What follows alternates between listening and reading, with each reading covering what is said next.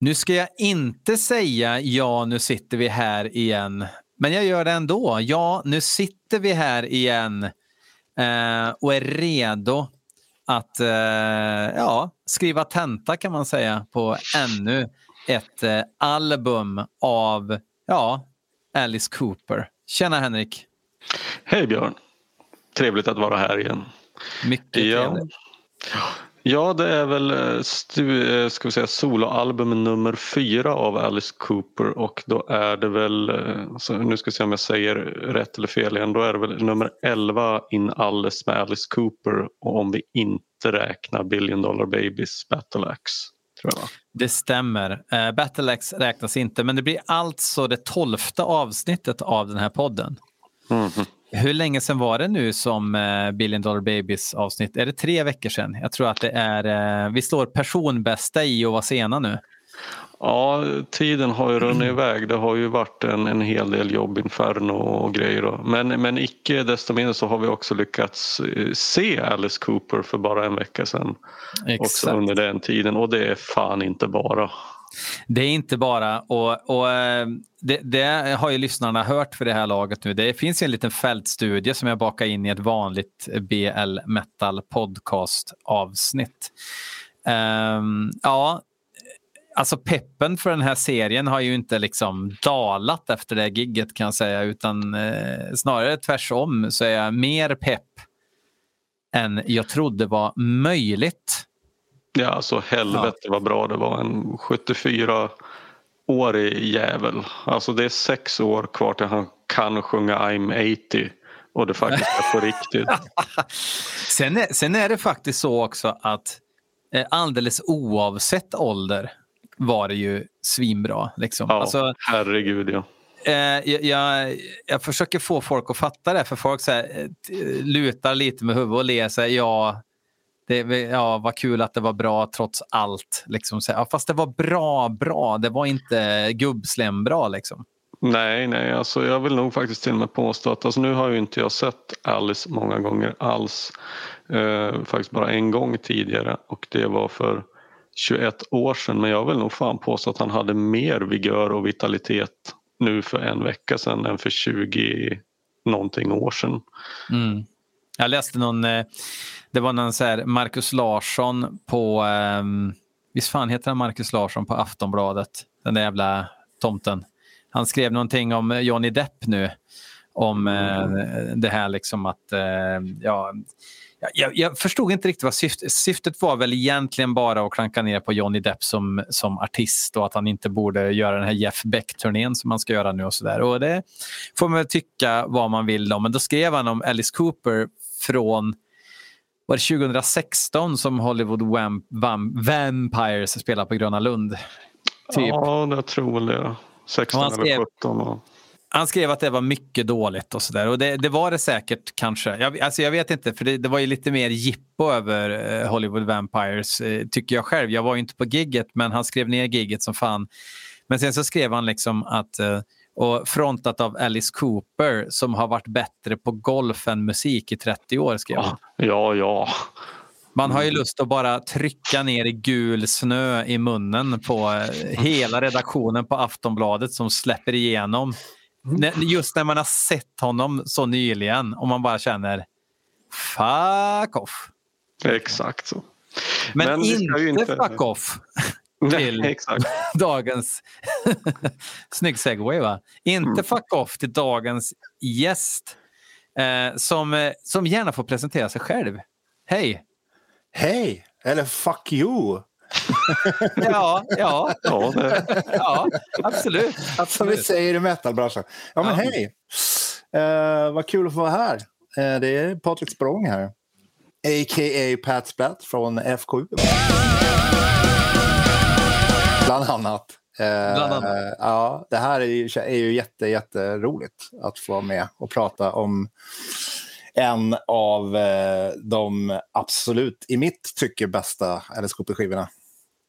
Eh, kan ha mycket att göra med också att det var den första skivan som jag eh, verkligen eh, upptäckte honom via.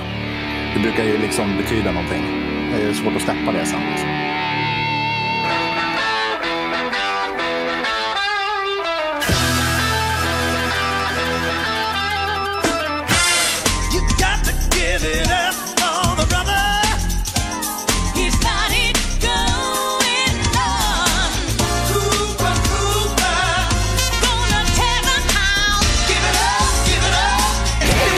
Gonna break it down. Då tycker jag att vi, vi fortsätter på det spåret för det brukar vara ett av de eh, ska säga, introduktionsämnen vi tar för oss här i varje avsnitt och det är när vi pratar om vår personliga relation till det album som ska avhandlas. Och eftersom mm. du redan öppnat med detta, kör på. Vi visar våra skivor i bild här nu för alla patroner. Fan också, jag har min, mina två ex står i hyllan, jävla skit. Jag skulle såklart även viftat med mitt. Eller min, ja. Jag har lite ut här också med baksidan av skivan. Och, ja. Mm. Ja, men eh, ska du börja Hayden då? Vi fick ju en liten snabb eh, relations eh, hejsan här eh, av Patrik. Nej, jag tycker gärna att Patrik får fortsätta lite grann för jag blir väldigt Jaha, nyfiken här mm, på att ja. höra. Mm. Ja, det, det, det, är en, det, är en, ganska udd, alltså ganska, jag skulle tro i varje fall uh, att det är en lit, att det är ganska ovanligt att det är den första skivan man upptäck, upptäcker Alice Cooper genom för mm. det har jag inte hört någon annan Nej. säga förut i alla fall. Nej, det är ju lite speciellt. Jag är ju då eh, det bandet som var liksom det bandet som, som det är för väldigt, väldigt många eh, är, var ju Kiss. Eh, eh, som man gick igång på, som man såg på Gröna Lund när jag var tio år och fick Destroyer-kassetten i julklapp 76. Eh, Mäktigt. Ja, det är lite mäktigt. Jag har kvar den. Och bandspelaren som den spelades på, det fungerar fortfarande. Det är fan ännu mäktigare. Ja, det är fan mäktigare. Så, så, nörd, så nördig. Jag skulle kunna haft med den också. Här, Men, eh, nej, och då var det ju så här att eh, på den tiden, det här var ju innan Okej okay, med, det var ju liksom poster man köpte då. Eh, alla de här Kiss-affischerna som man tapetserade hela sitt rum med. Får jag, bara, får jag bara dra en liten kort parentes där? Ja, absolut. Eh, Boder som jag spelar med i God Macabre, han eh, berättade om att i ett avsnitt kunde man, eller ett avsnitt, ett nummer så kunde man tävla om eh, The Runaways eh, trosor. Hello, Daddy! Hello, Mom! Jerry Bob! Yep. Och det hör till historien att de inte var myndiga när den här tävlingen... Ja. Så, att, alltså, eh, det var en annan tid. Gunnar Sträng var 40 år. ja, men, alltså, det var en annan tid på så väldigt många olika sätt. För den, den tidningen kändes ju... Alltså, Eh, om man ser tillbaka på det nu så alltså det skulle ju aldrig gå igenom nu. Det var ju Nej. ganska mycket gränser. Men, men alltså, du, för att liksom hitta tillbaka till Alice där så var det ju det att han var ju också frekvent med i poster. Men då var det ju så här, då var man i den åldern att eh, man hade ju liksom, man hittade ju ett band och sen var det det som gällde. Mm. Eh, men Alice Cooper var alltid, för att jag har alltid, alltså sen ung, väldigt unga år, varit otroligt fascinerad av eh, film, skräckfilm och liksom då eh, hårdare musik. Eh, ja, hårdare musik. Eh, det tyckte man det var då, då med Kiss. Liksom. Mm. Eh, men just det där, det var, så mycket, det var så otroligt mycket i det som var så tilltalande.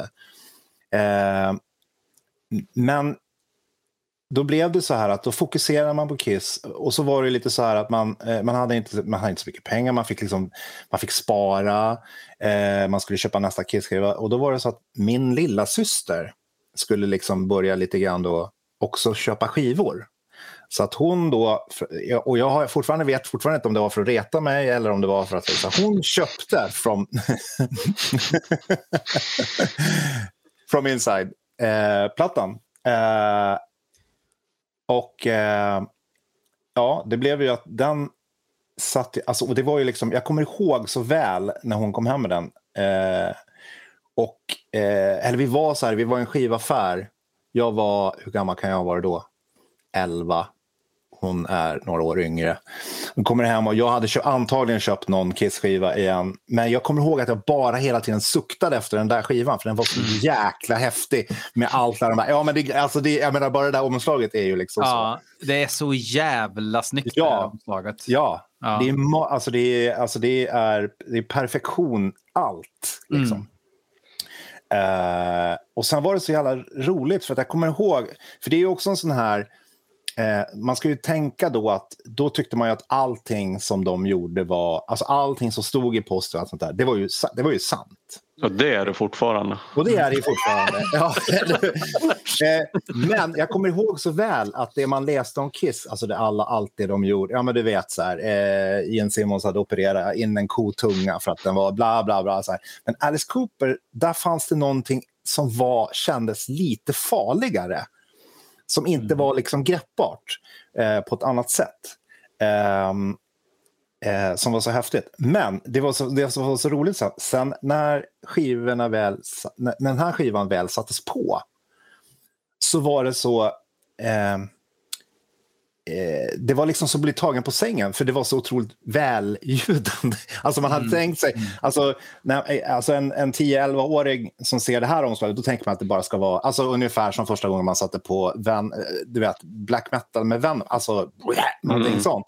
Och så mm. är det liksom, eh, alltså, eh, någonting helt annat. Alltså det är ju, det är ju, mm. jag tycker ju det är den, den poppigaste, alltså ljudmässigt väldigt, väldigt polerad. Den är ju eh, slick, ja. Den är superslickt producerad. Men, eh, och, och, och, det skulle man kunna ha åsikter alltså, om, men jag, jag ja, i, i, och det här är så svårt. Det var det jag menade med det här, att när man upptäcker någon. För, alltså för, för mig, om jag skulle få höra den nu för första gången, så kanske, äh, men, alltså jämfört med Welcome to my nightmare så är det, brr, du vet så. Mm. Uh, för jag är ju även en sucker för Bob Esrin. Jag avgudar ju hans eh, produktioner. Alltså, jag, mm. alltså Destroyer, The Wall, um, till och med The Elder. Alltså jag tycker det är så jäkla bra. Och jag, jag, nu när ni pratade om Billy Billion Dollar Baby skivan så vet, kommer jag ihåg när ni pratade om, jag tror att det var du Hayden som sa att någonting om att du, du, varför har han lagt in barn där på God of Thunder? Ja. Ja, du, du förstår inte det. Och jag bara, det är genialiskt. Jag älskar det. det, är så här, jag det, det, går inte att förklara. Varför har han gjort det? Jag skiter i det. Det är magiskt, för det blir så otroligt. Alltså, framförallt då när man var liten och hörde det. Det var lite så här obehagligt. Vad är det här för mm. demon, barn? Så. Och en jävla uh, delay på de här barnljuden. Där. Ja, ja, ja. Mm. ja. Många av hans knep som återkommer på alla skivor han gör. Liksom. Men det är alltså, jag, jag, jag, vet inte, jag går igång på det som tusan. Och därför är det så eh, lustigt att man liksom ändå har den här skivan. För det här, den här, eh, From the Inside och eh, Tror eller ej, ja, förutom då Welcome to my nightmare som är ett, liksom ett jävla magnum opus. Det går liksom mm. inte att komma runt på något sätt.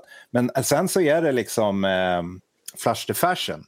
Det är den här och Flash the Fashion. Det är de två Alice Cooper-skivor som jag spelar mest av alla. Mm. Mm. eh, vi, får, vi, får inte, Hayden, vi får inte reagera på det här eftersom vi inte har kommit till Flash. Nej, jag, vet, jag, jag vill bara inflika en parentes. Och det, fan alltså vad jag blir, alltså jag blir så jävla taggad.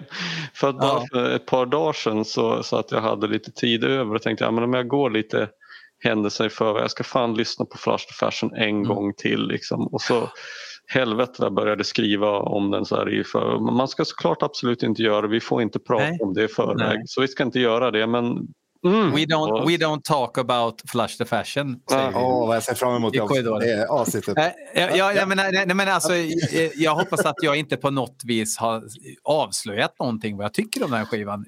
När jag säger så, det låter som att det är negativt. Jag, jag är neutral alltså här nu. Mm. Eh, ja, ja, ja. Men, men, men ja, absolut. Jag, jag, jag, jag eh, bara en grej som jag tänkte som jag ändå vill säga nu. Jag vill inte avbryta dig Patrik, du får fortsätta sen. Men just det här att som jag har förstått nu, som jag kanske inte har förstått innan vi drog igång, drog igång den här serien, det är att mm.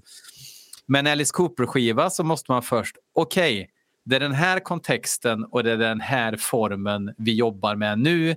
Nu ska jag hitta Alice Cooper i den här ramen. Mm. Har det blivit för mig. Så att nu, jag, jag, jag, jag liksom bortser ifrån sound som jag kanske inte är bekväm med men hittar ändå Alice Cooper, eller letar efter Alice Cooper mm. i det. Mm. Ibland är han svårhittad eh, och ibland är han inte så svårhittad faktiskt trots att man vid första analys kan tänka sig att okej, okay, nu, nu har det gått åt skogen här. Liksom. Så att, eh, Analys var ett väldigt ja. bra ord. Ja, jag, jag tror jag har uppfunnit det själv faktiskt och, och börjat använda det även till arbetskamrater och sådär så att det blir eh, tok. Men, men absolut. Mm.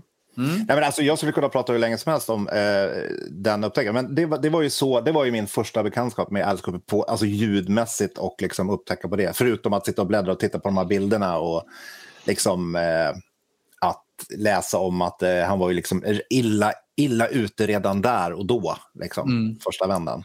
Mm. Eh, jag, jag ja. tänkte bara fråga just om, om det i de här, jag hittade ett gäng gamla eh, nummer av Okej okay ifrån 1984-85. Men till mm. min eh, besvikelse så var det just ingenting. Alice Cooper var inte med i någon av de numren. Men jag tänkte fråga, ett, i, i de här numren av Poster och så mm. Eh, dryftades, då någon, dryftades det där någonting om i vilket skick han var i då? Nej, men då var det nog, alltså det var ju mer skrivet som i så skandal ah, okay. eh, syfte. Att han eh, liksom eh, häller i sig så här mycket varje dag mm. innan. Alltså lite så, wow, vad häftigt, vad rockstjärna är. Men är, inte... är, det här samma år? Är det 78 vi pratar nu eller pratar vi? Uh, nej, det här är nog... Det här är nog lite... Ja, men det, vi, ja, men vi kan, det är nog... Ja, varför inte?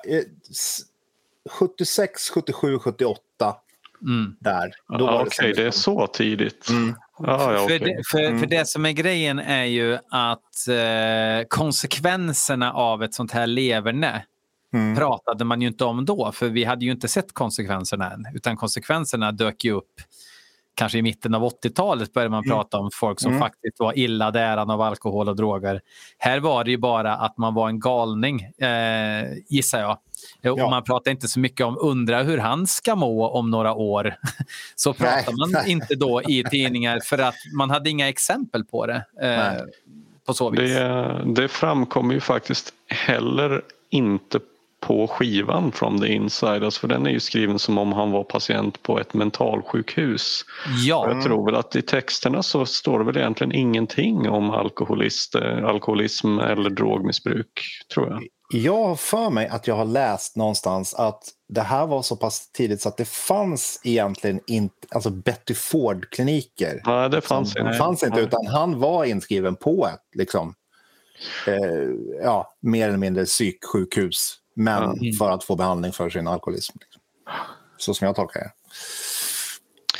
Uh, jag säger, man, jag försöker, det gud, man kan ju sitta och prata i precis hur länge som helst. Så, där, så jag försöker vara lite så här och plocka på, på, plocka på klockan. Så Jag mm. tänker, eh, Björn, om du fortsätter med din personliga relation till skivan. Så vi har redan hållit på i, i snart 20 minuter. Så. Ja, men, men det, det, min, min relation är ju som den kommer vara nu eh, några avsnitt framöver, extremt skral. Ja, det här är ju en skiva på grund av hur den såg ut. Som sagt, jag upptäckte ju Alice Cooper eh, överhuvudtaget kanske i slutet av 90, alltså sent 90-tal, alltså upptäckte jag Förutom ja, Hey Stupid som jag växte upp med. Men det, det här har vi pratat om i tidigare mm. avsnitt. Men eh, äldre Alice Cooper upptäckte jag så pass sent. Eh, och eh, den här skivan eh, lyssnade jag på eh, för att den såg så jävla cool ut och så möts jag av Steve Lukather-gitarrer och sådär. Och så tänker jag, det finns fler skivor att lyssna på, tänker jag då. Mm. Men sen har jag ju genom åren eh, How You Gonna See Me Now och, och, så, de har ju proppat upp. Men det är ju en skiva som, som eh, jag kanske mer eh, närmade mig just innan den här programidén när jag upptäckte att fan den här skivan den har ganska, ganska mycket kvali många kvaliteter. Jag kanske måste lyssna på alla Alice Cooper-skivor ordentligt och började då skriva på Facebook och så nappade du på det Hayden och så drog vi igång den här podden. Så att den här är ju en av de skivorna som egentligen har gjort att den här podden finns för mig. Att liksom, mm. Varför lyssnar jag inte mer på den här skivan? Och sen dess nu då så eh, har jag lyssnat väldigt mycket på den. Men vi, eh, ja, så min relation har varit eh, shuffle lite grann innan. Mm. Och nu eh, har jag en annan relation som, som med så många eh, andra skivor med Alice Cooper. Så att yes. Ja, jag eh, förstår. Nej, det var, jag blev liksom tvungen att själv leta lite grann i minnet för när jag först, för hur och när jag upptäckte den här skivan. Men eh, jag vill minnas att det var faktiskt i månaderna efter att jag hade sett honom live första gången. Så jag tror att det var hösten 2001 som jag köpte på mig den här och några till av hans ja, 70-tals alster och de var för mig på något sätt så alltså jag kände ju till att de fanns men jag hade ju ingen egen relation till dem förutom att man hade hört några låtar kanske här och var. Eh, så att det här var en av dem jag köpte efter ett, ett gäng år, alltså någonstans kanske i, i mitten av mitt Alice-lyssnande. Och att det var väl ingen ögonblicklig favorit utan jag tyckte väl att den kanske var mer cool än bra. Eh, och musikaliskt var det inte min kopp te utan det var Ah, jag, jag, vet att jag körde några genomlyssningar men att jag fastnade aldrig riktigt för den. Men sen visste jag heller ingenting om kontexten. Liksom det, jag hade inget internet hemma eller någonting sånt, hade inga böcker direkt om Alice Cooper och något så att mycket av, av hans historik var ju ganska höljd i, i dunkel för min del. Så att jag kände inte alls till de självbiografiska aspekterna utan jag tänkte mer att ja, ja men det är väl ett ett koncept bland många. Det är klart att Alice har gjort en skiva om att vara på mentalsjukhus. Liksom, det är ju inget konstigare än så. Men jag trodde väl att själva musiken skulle vara betydligt råare på något sätt. Och eh, sen tyckte jag liksom, även nu så att skivan känns, den är väldigt på gott och ont ska sägas så är den ju väldigt daterad. Alltså du, man hör ju vilken epok den här är gjord i. Så att säga. Mm. Och var, eh, eh vilket väderstreck i USA också. men det, det, är så, ja, nej, men om, om jag får köra en segway till där så är det så att jag, jag tycker väl att det är som, som inledande ord att det är en skiva som kräver att man hänger med i texterna därför att mycket av poängen försvinner ju om man enkom bara lyssnar på musiken. Och på sätt och vis är väl det här tycker jag en förfining och sannolikt den kanske objektivt bäst orkestrerade musikalskiva han gjorde. Att jag har börjat dela in den här, de fyra första soloskivorna som han gjorde Nightmare Goes to Hell, Lazy Whiskey och så den här det är ju liksom hans musikalepok. För sen mm. i och med Flush the Fashion så börjar ju en annan era. Så att mm. säga. Och här är väl liksom musikaliskt så fall, ja men det här är ju the peak liksom. Jag tror inte att han har väl till och med sagt det själv tror jag att musikaliskt så är det här kanske den bästa skiva han har varit med och gjort. Eh, men med det sagt så tänker jag, ska man börja liksom kasta sig över skivan låt för låt? Ja, jag tänkte några grejer som, som tåls att sägas. Eh, det är ju mycket riktigt eh, Steve Lukather som spelar en del gitarr på den här skivan och var med och skriver några låtar. Eh, och eh, jag eh, gillar ju en del Toto-grejer. Liksom.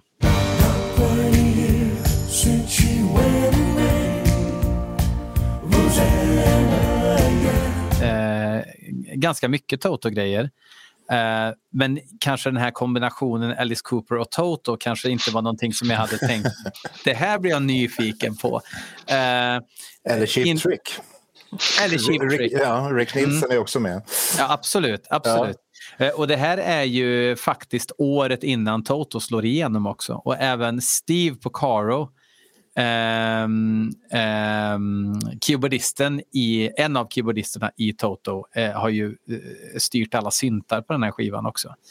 Eh, kan ju eh, nämnas. Men också att han har skrivit den med Bernie Taupin som även är en wingman för Elton John och har varit det i alla år förutom några undantag som har eh, varit med och tagit fram texterna. Det är ganska intressant för att det här känns ju verkligen som som att de eh, inte bara använt sig av gamla gardet igen utan att de har eh, toppat eh, trupperna lite för den här skivan.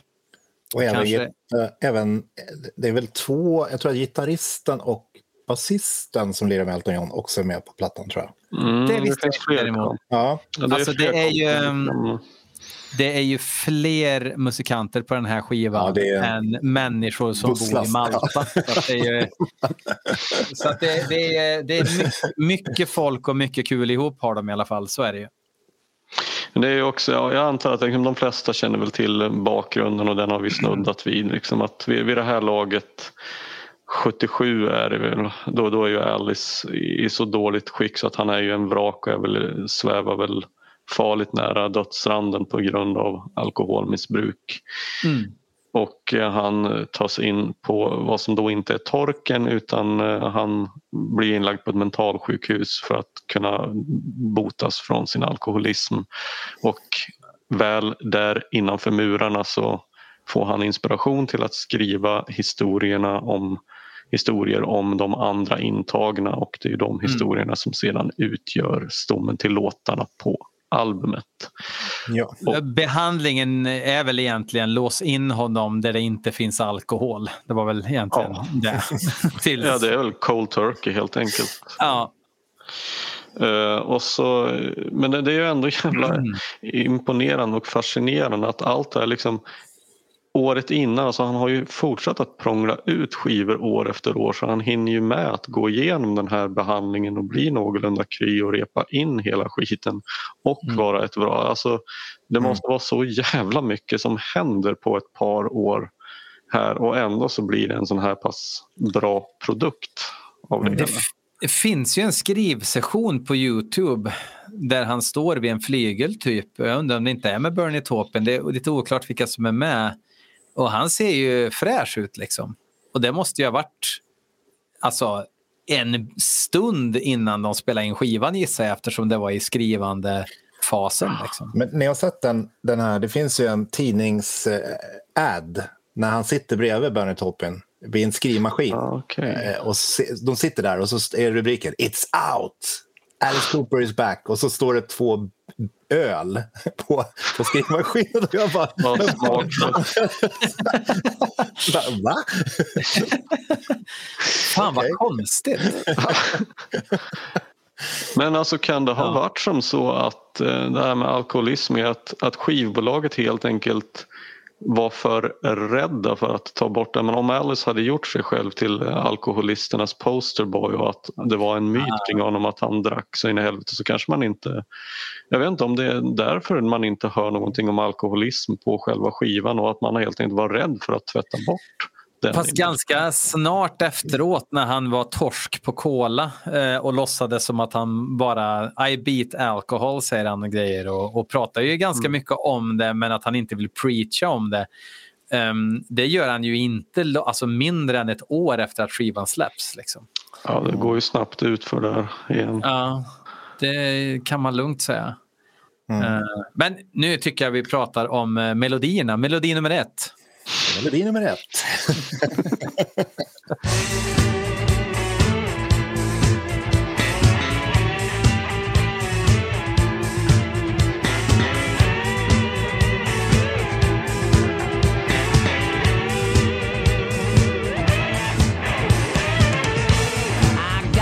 lost on the road somewhere. Was it Texas or was it Canada?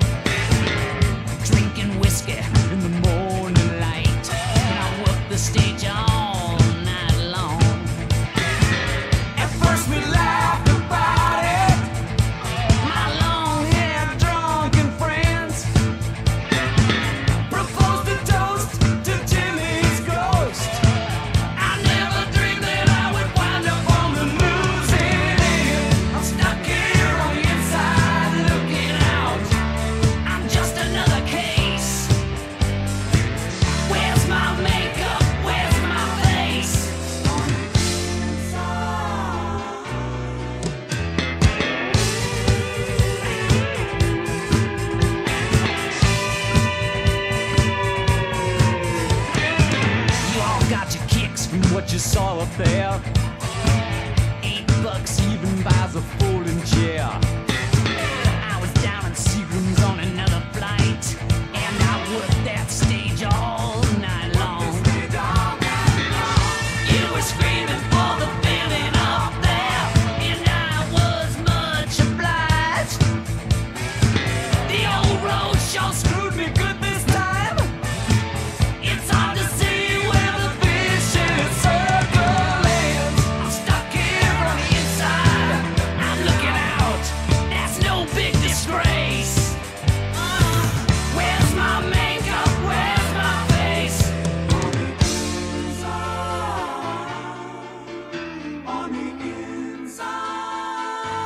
Ja, vem börjar? Ja, men Patrik kan väl få ja. äran. Ska jag börja? Mm. Ja. ja, men då börjar vi med From the Inside. Mm. Eh, som jag eh, tycker är en av de... Och det, det, den släppte de ju som singel nummer två. Eh, och med No Luck at All. Det hände ju ingenting med den när de släppte den. Uh, How You Gonna See Me Now var första, första singeln de släppte. Uh, som de även gjorde en rätt så lustig video till. Och jag vet inte om ni har tittat på den nyligen? Jo då. Mm. Ja, det, var, det, var, alltså, det var ett tag sedan. slut, I slutscenen när de springer mot varandra i så här Sound of Music-style. Alltså det är så här... Ja, det är Eh, ja, jag vet inte. Vi, vi återkommer till ja, den låten ja. och videon. Men, men From the Inside är väl en, en, en, en, jättebra, eh, alltså en jättebra introduktion till resten av skivan. Jag tycker det är en jättebra öppnare. Liksom. Absolut. Eh, ja. Eh, men lite, det är som du sa också, det här med man hör tiden. Alltså den här lilla discobasen som ligger i bakgrunden är helt fantastisk. Bam, bam. uh, det är så ja. många strängar på den basen så att de fattar ja, ja, ja, ja, Och fingrar. oh, Gud. Där är det inga plektrum med i bilden. Och det är Nej. liksom inte eh, mille, creator mille nivå på bashöjden heller utan det är liksom, den är så högt upp den där basen ja, han spelar. Mm. Ja. Uh, ja. Och det, är ju, och det är ju en av de låtarna som inte har en... en eh, där är han ju, där är, är ju han själv, sig själv. Han, jag gillar ju också det här när han, eh, from the inside, eh, behind, vad är det han sjunger eh, när han är eh, the makeup Where's alltså, my makeup? Where's, where's my, my makeup? Where's my face? Alltså det är ju, mm. ja, alltså det är, det är ju en av de grejerna jag gillar med honom. Att han har, alltså, ibland kan det vara... Jag vet inte, han har de här små underfundigheterna i texterna som man oftast mm. också upptäcker precis som du sa Björn, man, man går tillbaka till skivor och så upptäcker man fan det här är ju fan briljant. Liksom, mm. så små grejer liksom, hela tiden som dyker upp. Han är jättebra på det. Mm. Uh, ja, så en, en jättebra öppningslåt. En bra första låt, tycker jag. I concur. Uh, det som, som är ganska intressant är att han har en jävla uh, aggressiv ton låten är, alltså vi, vi pratar ju om, om, om den här möbelbasen med massa strängar och grejer. Och, mm, mm. och det är alltså gitarrstämmorna är så re, alltså det har aldrig spelats in så rena gitarrstämmor någonsin. Nej. Eh, det finns inte... alltså, det är som prestation på, på stämningen och intoneringen på gitarrerna. Men hans röst är... Alltså, han mm. har ju sin, typ, sitt så här, tio-läge på hur han sjunger. Och jag tror att det är det jag tycker är coolt. För ja. det blir så, blir så jäkla cool kontrast. Liksom. Mm. Um... Hade det varit en helt annan artist som bara, här är texten, här är melodin, här är musiken, sjung ja. in. Så hade det varit skit ja. tror jag. Ja. Ja. Men, det, men eh, jag gillar också den här låten. Jag tycker att det är en... Och det, den, den, sätter sig. Eh, en bra refräng. Mm. Eh, men det vet jag ju också att jag inte alltid har tyckt. Eh, men, men det är liksom när jag har verkligen nördat in på den här skivan så blir ja. jag glad varje gång jag drar igång den. Just det, fan, den, ja. den är bra den här. Ja. Eh, jag låtsas som att jag inte hör släppbasen och så fortsätter jag att lyssna. men det är ett litet konstigt val som andra singel, tycker jag. Det finns ju det andra finns, låtar som ja, är mycket hookigare. Liksom, ja, eh, ja. Definitivt. Ja. Ja. Ja, Jag håller med om det. Men det är lustigt, just, jag hade tydligen också skrivit det i mina fuskanteckningar att just den här kontrasten att det, det blir en jävla kul sådan som är Alices snäsande och humoristiskt väldigt cyniska text med blandat med en funkig disco med Seinfeld-bas i botten. Ja, ja, ja det var bra. Ja. Men jag undrar, undrar om de förstod hur, hur, hur, hur stor den där släppbasgrejen skulle kunna bli historiskt sett. När ja, det, det. det är det jag tänker att det, nu vet jag inte men jag tänker liksom det är ju disco. Alltså mm. musikaldisco egentligen har ju väldigt lite med rock att göra. Mm. Uh, men jag tycker också att det, det, är ju, det är fascinerande också att för, att för att vara i så dåligt skick som han var så behöll han ju onekligen förmågan till extremt fyndiga formuleringar. Mm. Alltså det är ju ett historieberättande som är ju fan mig på topp. Mm. Uh, och jag, jag, vet inte, för mig blir det att det, det, är liksom inte min musikaliska kopp te. Så det är därför personligen så blir det så lite jag kan inte nästan tycka att det är lite synd. Att jag fattar om man verkligen diggar det här musikaliskt men för mig blir det nästan lite fuck, synd på så jävla rara ärtor i historierna och på, på texterna. Att jag, jag hade mm. velat höra annan musik till, de här, till den här texten. Jag tror det är det.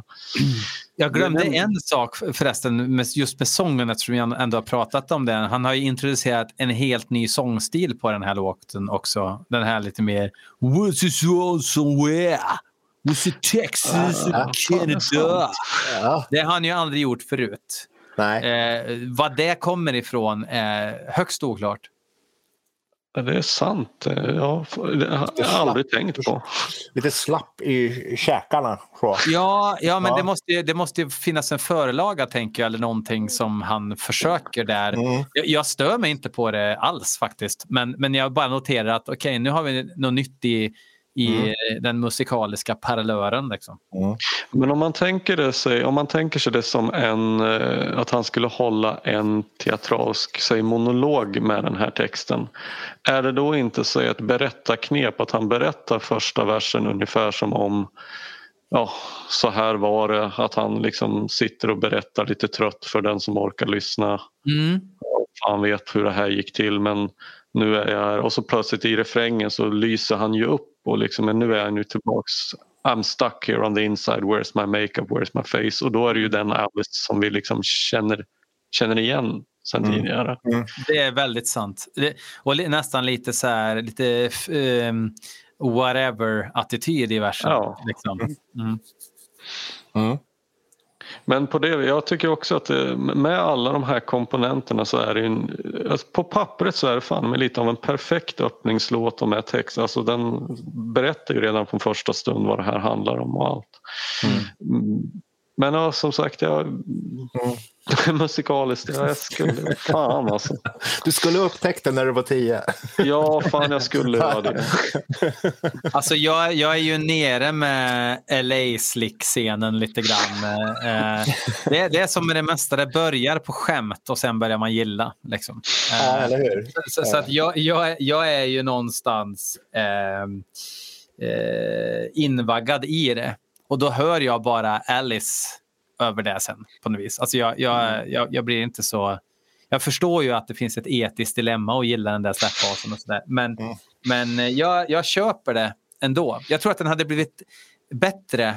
Eh, inte genom hela skivan, men på vissa ställen tror jag att den hade gynnats av att inte ha eh, det mest stängda trumljudet i musikhistorien och sådana saker. Men eh, ja.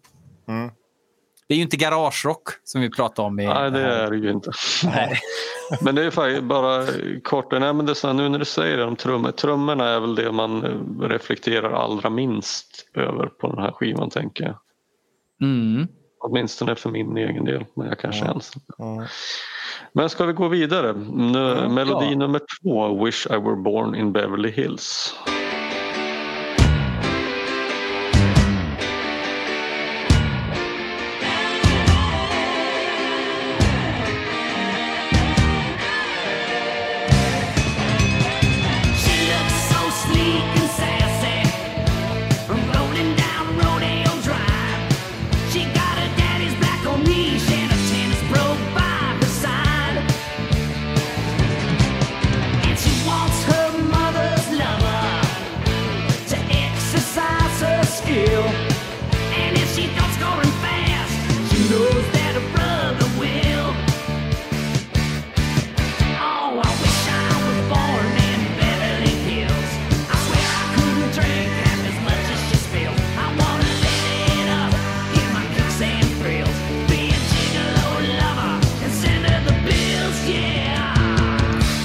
Visst heter det Wish I was born? Nej du. Uh, grammatiskt korrekta blir det Wish I were för det blir önskar att jag vore född. Mm. Ah, just det. Ja, ja. Jag klipper bort det. eh, nej. nej, jag klipper inte i den här podden. Eh, nu, nu, nu är det, du, det, det, alltså det, är, det, det finns en svag nyans av ljummen pizzasallad i den här låten. Mm. Eh, men jag gillar den här låten. Mm. Jag, gill, jag gillar att den är... Eh, det, det styr över lite grann på eh, Party och Galej här ifrån en ganska... Alltså det går ifrån musikalen lite. Det finns mycket musikal i den här också, känner jag exakt när jag säger så. Men det här är ju en, eh, en rocker. Och eh, Brian, Brian May vill nog ha lite betalt för ja. hur de har emulerat Brian Mays gitarrsound till tusen procent. Men, äh, men jag, jag, tycker, jag, tycker jag, jag, blir inte arg när den här låten kommer på. Eh, det, det, är absolut inte en av de starkare låtarna på skivan by any means. Men som vanligt med Alice Cooper så det är det här den här otroliga bredden i låtarna. Inte nödvändigtvis alltid soundet, men i låtarna. Att det är verkligen, det kommer från alla håll hela tiden. Mm. Precis. Mm. Ja, men jag, jag håller med. Eh, det är nog den, det är nog min least favorite på hela skivan tror jag faktiskt.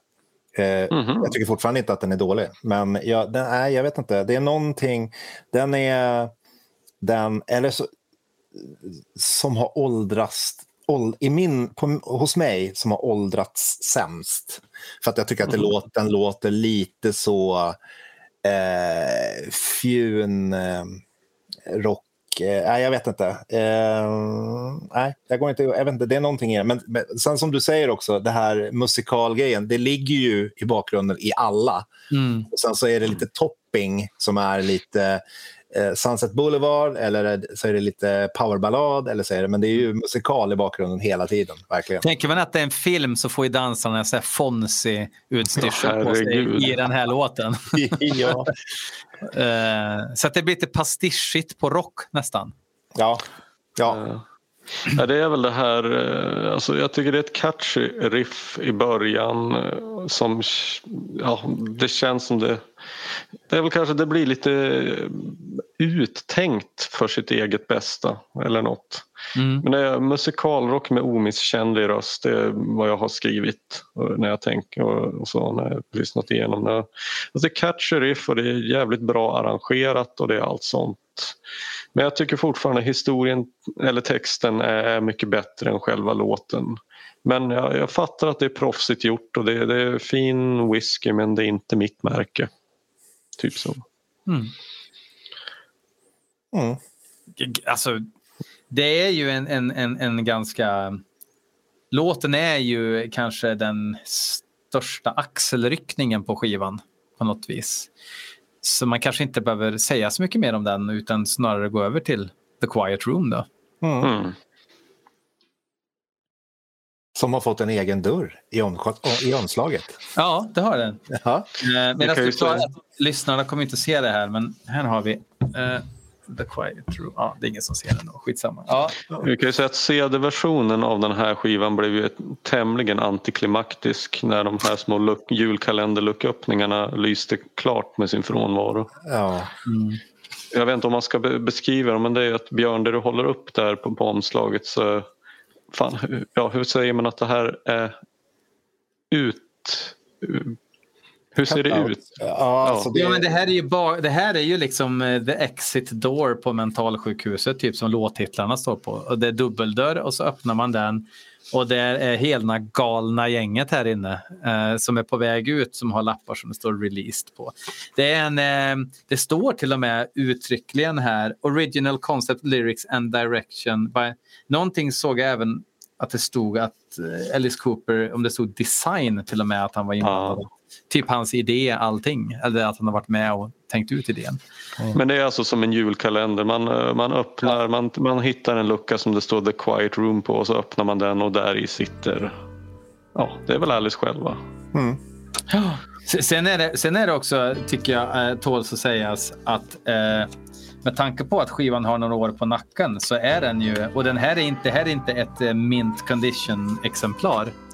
Uh, men um, det är fan gedigen papp som de har tryckt där på. Det, håller, det håller ihop fan med alltså. Det var bättre mm. förr. Mm. Det var bättre förr. Ja. ja, men själva låten då? Ja, men ja. Patrik får börja. Får jag börja? Ja. Eh, nej, men den, den, eh, den gillar jag skarpt. Den är så här... Eh, en, av, en av skivans ballader, kan man, kan man kalla det ballad? Mm. Ja. ja, men det får man väl ja. säga. Ja.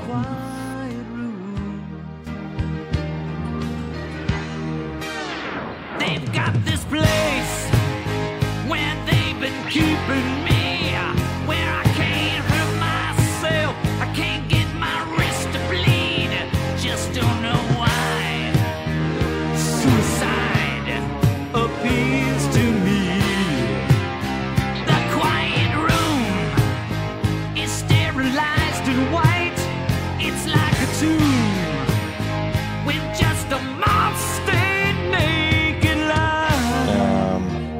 Ja, men det är så här klassiskt. Den är, väl, den är ju nog en av de låtarna som jag känner man inte är så uppenbar att den är på den här skivan.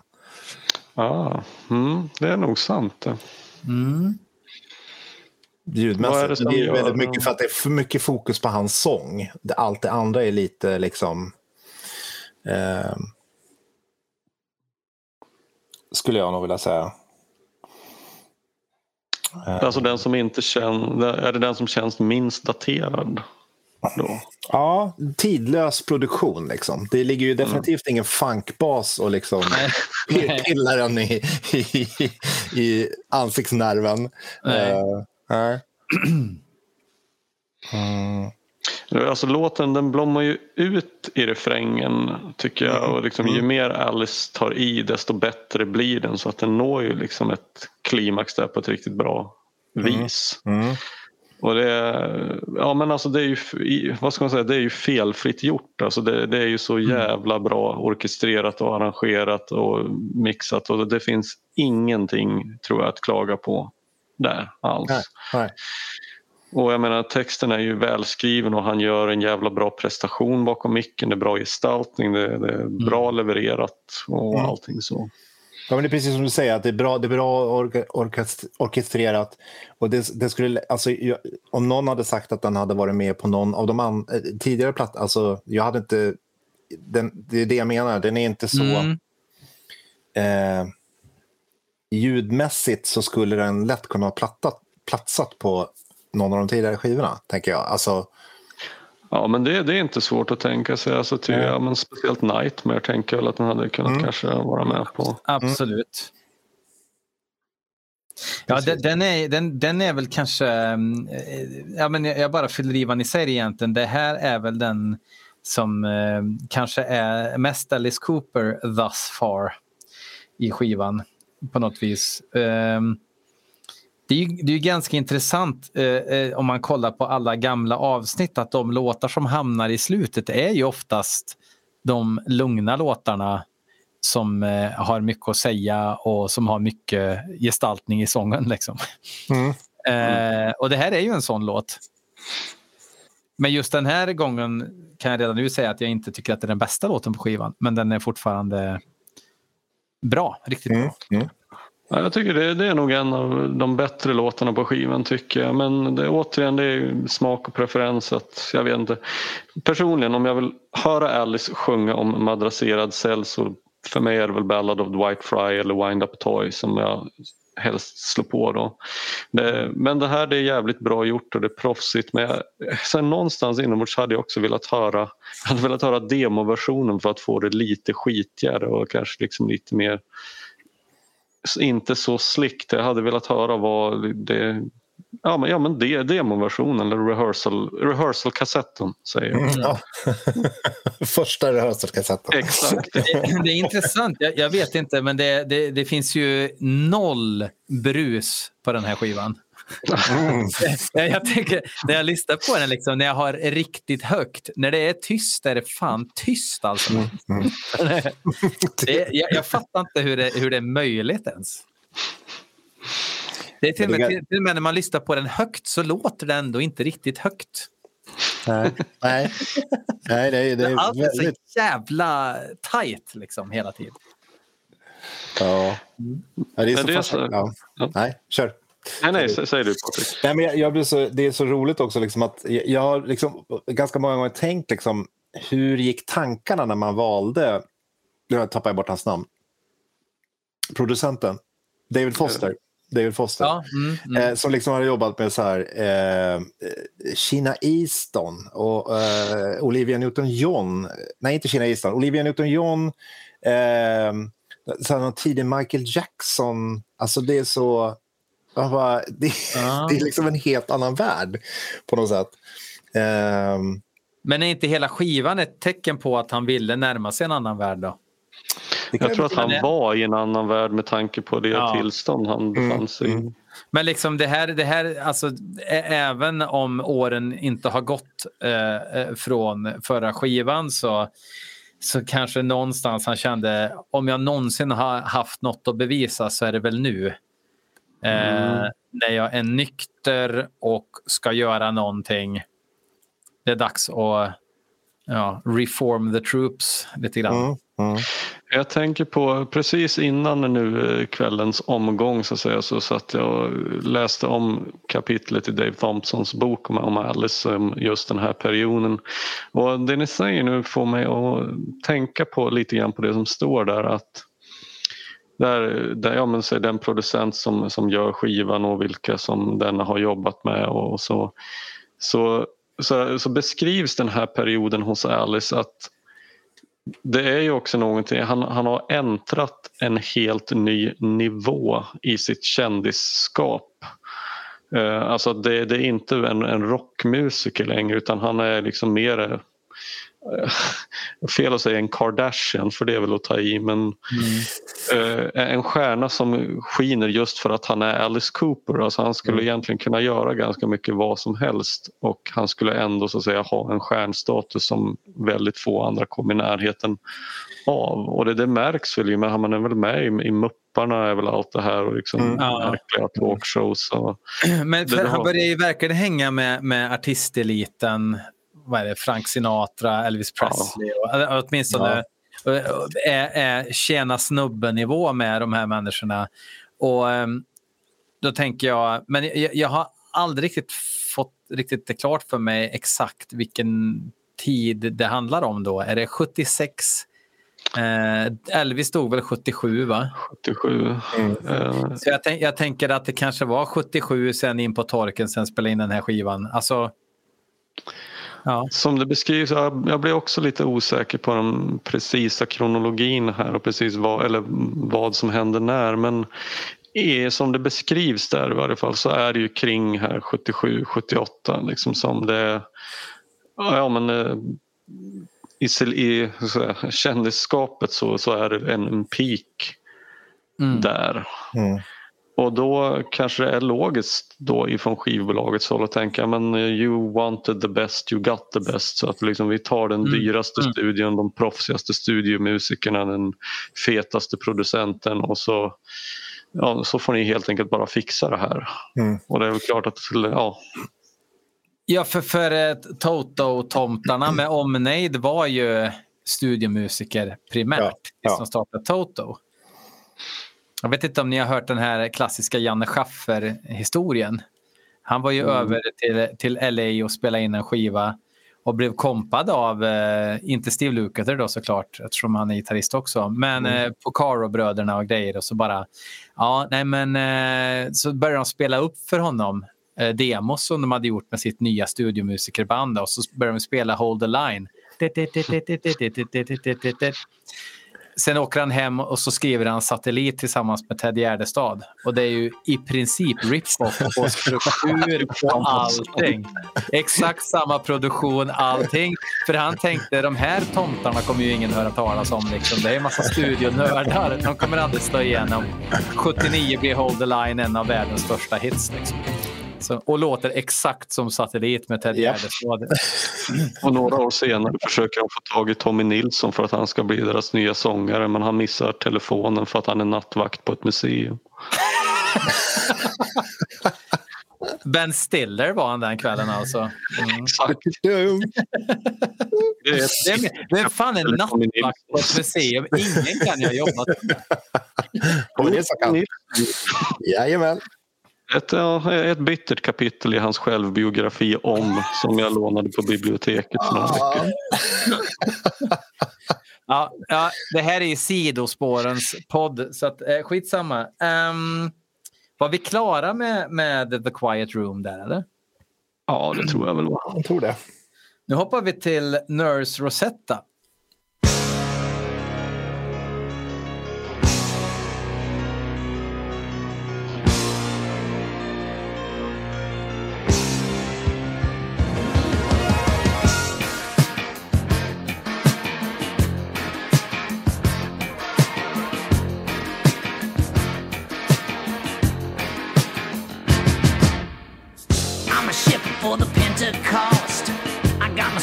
And my wires crossed. I got no kids and I got no home. They want us holy men to live alone. Since I've been here for a little stay, I see Rosetta day by day. She turns my head, makes me cough. I wanna tear my collar off, and I, I just can't sleep at night. Rosetta dressed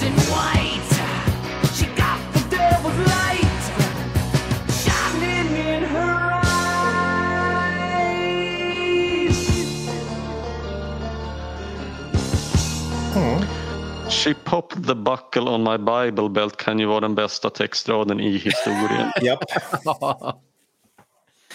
Ja, det, det, är en, eh, det här är en eh, riktig, eh, en riktig snuskhistoria.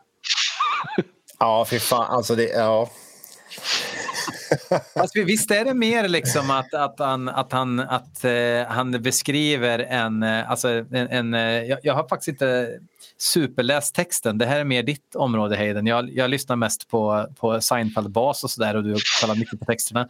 Men visst är det mer att han tänker vad han eventuellt skulle kunna tänka sig att hitta på med Rosetta snarare än att det sker någonting.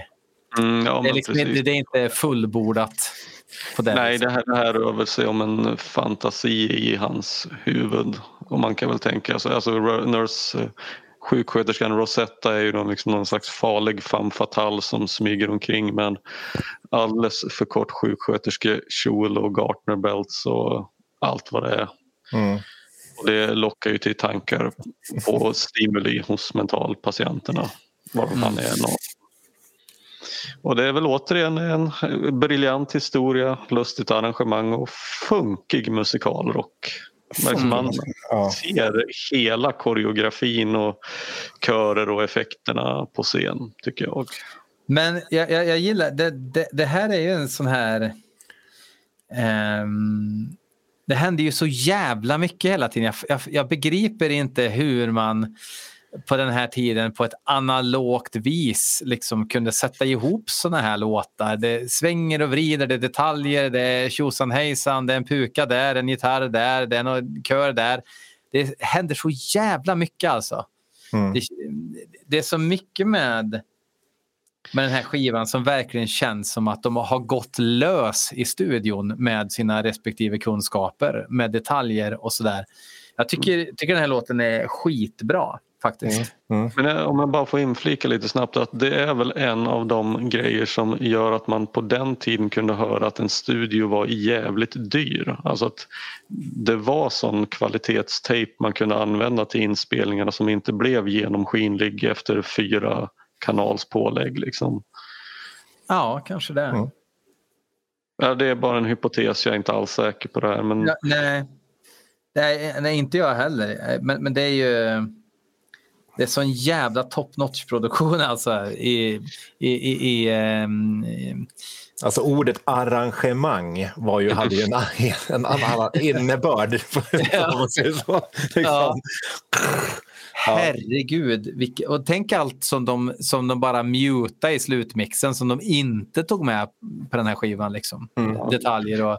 Mm. Men, men det, det, är, det, det, är en jävla äventyrlig låt liksom, mm. i mm. hur den framförs. Och det, det, ena stunden så är det eh, lugn och ro. Och, ja, det här, visst fan är det lite Seinfeld-bas i den här också? Va? Nej, det är en synt. Ja, ja. Ja och sen så blir det rätt stötig liksom. Mm. Uh, men det är också så här, det här är också så här med, med hans sätt att skriva texter. Uh, att det här är ju så, det är ju så gränsfall till att bara bli gubbsnuss. Mm. uh, men det, han håller ju liksom på, eller det kanske är bara jag som tycker det, men, men liksom, det slår ju aldrig över till att bli liksom så här, ah. Han holds the line, så att säga. Vad sa du? Han holds the line. ja, precis. Ja, det är inte damned if you do, är det ju inte. Utan det är ju... Nej. Men eh, har ni tänkt på att alla musiker på den här skivan biter sig i underläppen när de lägger sina spår? um, ja. uh, en grej om inspelningen som jag läste också det var att uh, vilket jag inte alls hade kunnat tro när jag bara lyssnade på skivan. Men det är tydligen att Alice själv hade ju inte alls mycket till självförtroende när han la sina sångspår på den här. Utan i väldigt mycket i mångt och mycket så är det en, en ren studioprodukt, ja, ja självklart liksom med musiken. Men eh, han själv var inte speciellt närvarande. Och när han väl skulle lägga sina sångdelar då hade de byggt ett slags märkligt tält för honom med filter och grejer så han kunde mer eller mindre gömma sig bakom. Så att han, han stod inte och tittade på de andra medan de spelade i någon slags livesammanhang utan det... Men det handlar ju liksom, om man tänker att Bobby Kimball eh, körar på den här skivan liksom.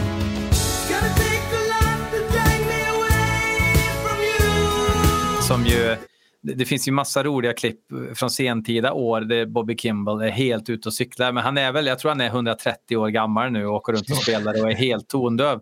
Men på den här tiden, det fanns ju liksom ingen som kunde sjunga som honom då. Så jag kan tänka mig att självförtroendet går väl ner lite om jag ska lägga gitarrsolon och Yngwie Malmsteen precis har lagt bakgrundsgitarrer. Då är det lätt att, att bli ja, inte jag, riktigt och, det, och, då, och ja, då kommer vi in på den här världen också. I, i det här i samma veva, det här var ju också eh, samma period när, när Kiss hade typ 72 000. Du vet, vissa av medlemmarna var inte ens med. Och liksom, äh, men du, du ska inte ja. vara här idag, vi har redan löst det där. Alltså, Alltså den... Går du och köpte en pizza under tiden så ja. kan ta pengar där vid kockskassan. Det där det var liksom du... slut, det är slutprodukten ja. som är viktigt nu. Om bandet håller ihop eller inte, det är skitsamma. Nu är det, ja. ska det bli en bra slutprodukt. Liksom. Ja. ja. Bara en sån här grej för om jag ska vara jävligt gnällig och gubbgrinig. Alltså jag, jag, tycker när man lyssnar på speciellt den här låten så återigen man ser verkligen eh, dansare och, effekter på scen och allt möjligt och skådespelare och grejer. Men ja, problemet lite grann med musikaler är ju att Alltså även om musiken kan vara bra och typ Cabaret har några av mina favoritlåtar all time men det är som att det behövs ju också ett helt scenspektakel för att hela grejen ska komma till sin rätt. Liksom, det är nästan så att jag önskar att han hade tillsammans med den här skivan, man tänker idag så görs det väl liksom livestream eller stream, streaming på varenda jävla konsert som görs mer eller mindre. Tänk om man hade kunnat göra en stor scenproduktion som hade kunnat bandas och som kunde släppas i, gemensamt med den här grejen. Vad coolt mm. det hade varit att se, tänker jag. Och det lilla som finns, trots allt, det som ju var på den turnén han åkte ut på med det här. Alltså, det här, alltså i början eh, på From, in, from Inside eh, med de här jävla flaskorna som kommer ut och dansar. Alltså det är helt stört. Och, och eh, där drar de ju ut på låten också, så att, låtarna, så att när det är vodka då kör de någon rysk låt helt plötsligt. Och så är det någon tequila-flaska som kommer ut. Då blir det helt plötsligt spann. Alltså så här mexikanskt. Ja. ja visst. Alltså det, men men vi, visst är det det som är slicker than a weasel uh, live-grejen uh, som finns? Det finns, någon, uh, det finns samma gig har jag märkt finns i olika vad det verkar officiella utgåvor för annars dyker det inte upp på strömningstjänster gissar jag. Nej. Um, och jag tror, är det The Strange Case of Alice Cooper? Jag tror att det är Strange Case. Ja, jag, tror, jag tror att Strange Case of Alice Cooper även är Sticker than the Weasel-liven. Mm. Och um, det är ju... Här märker man ju att det börjar gå åt helvete också rent sångmässigt. För han har supermycket energi men han har ingen stamina. Nej.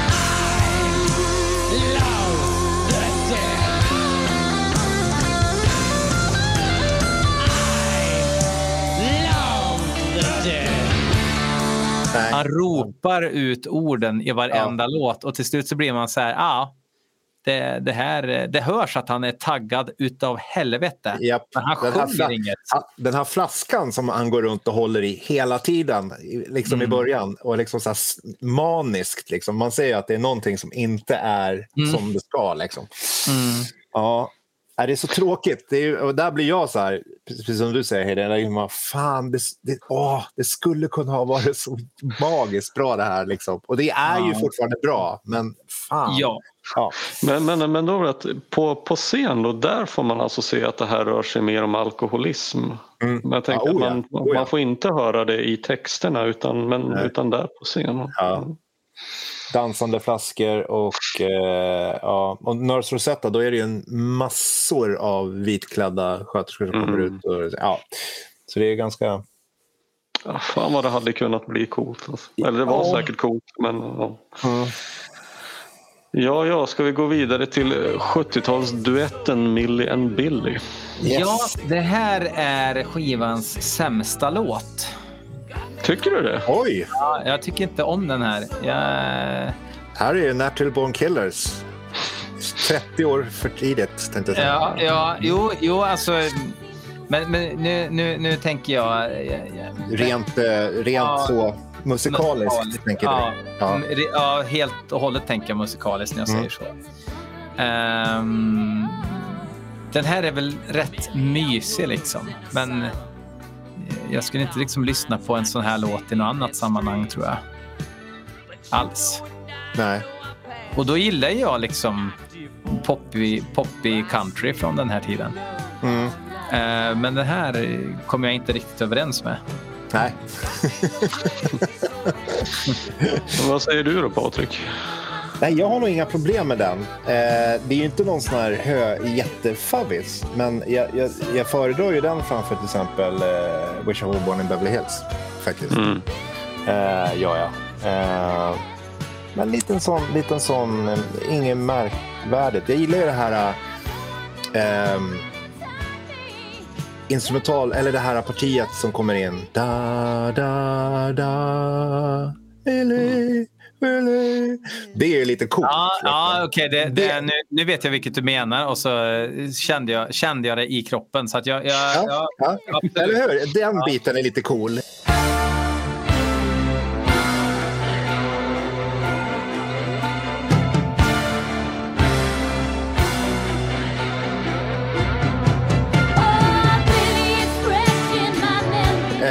När det blir lite Det är ju Doom. För, ja, men för då, är det lite, för då blir det lite Welcome to my nightmare igen. Liksom, så här, Lite så obehag. Liksom. Eh, men annars så skulle det kunna vara med i vilken sån eh, nice eh, eftermiddags eh, eh, som helst. Liksom, så. Så det, vem, ja. vem, vem, är hon som sjunger på den då? Eh, det är, eh, vad heter, heter hon? Hon som startade ett band som hette Shakespeare Sisters tillsammans med någon Nu, från... vad är det hon? Ja.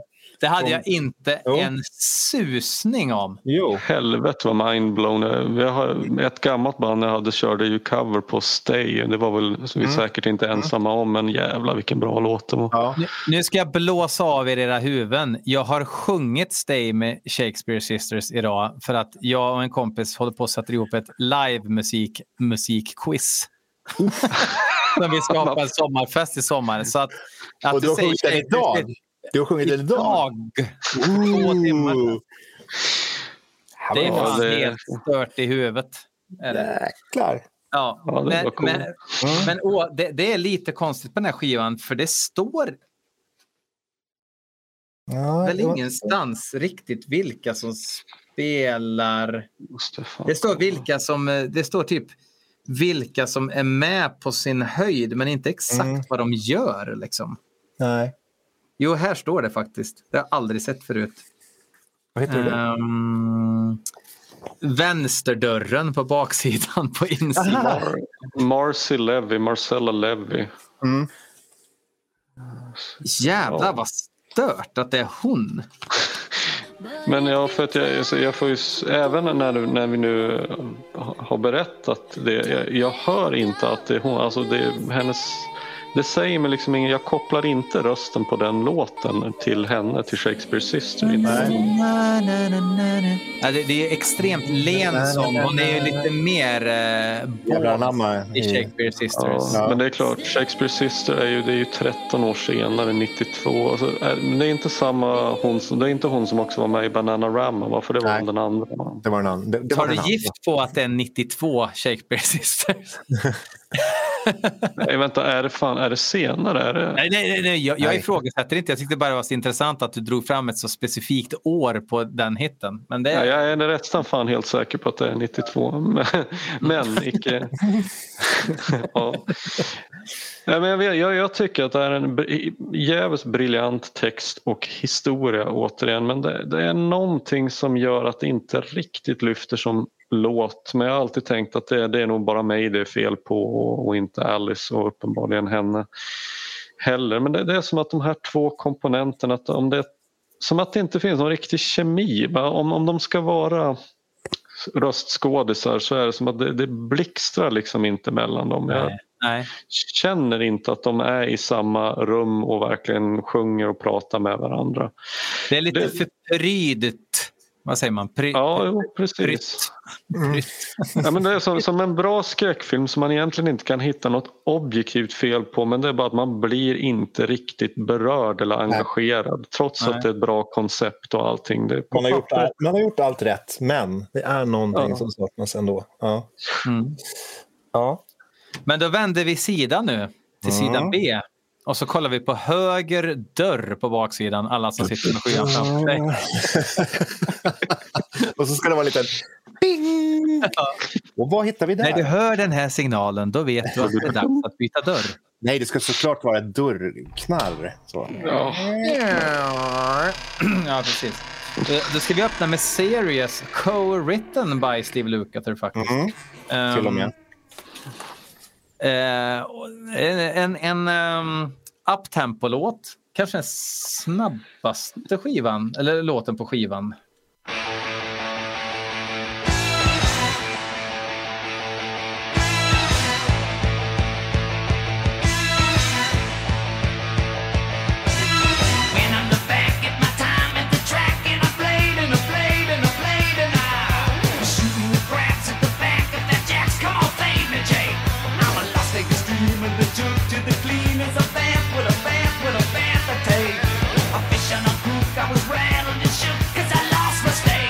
I took that serious.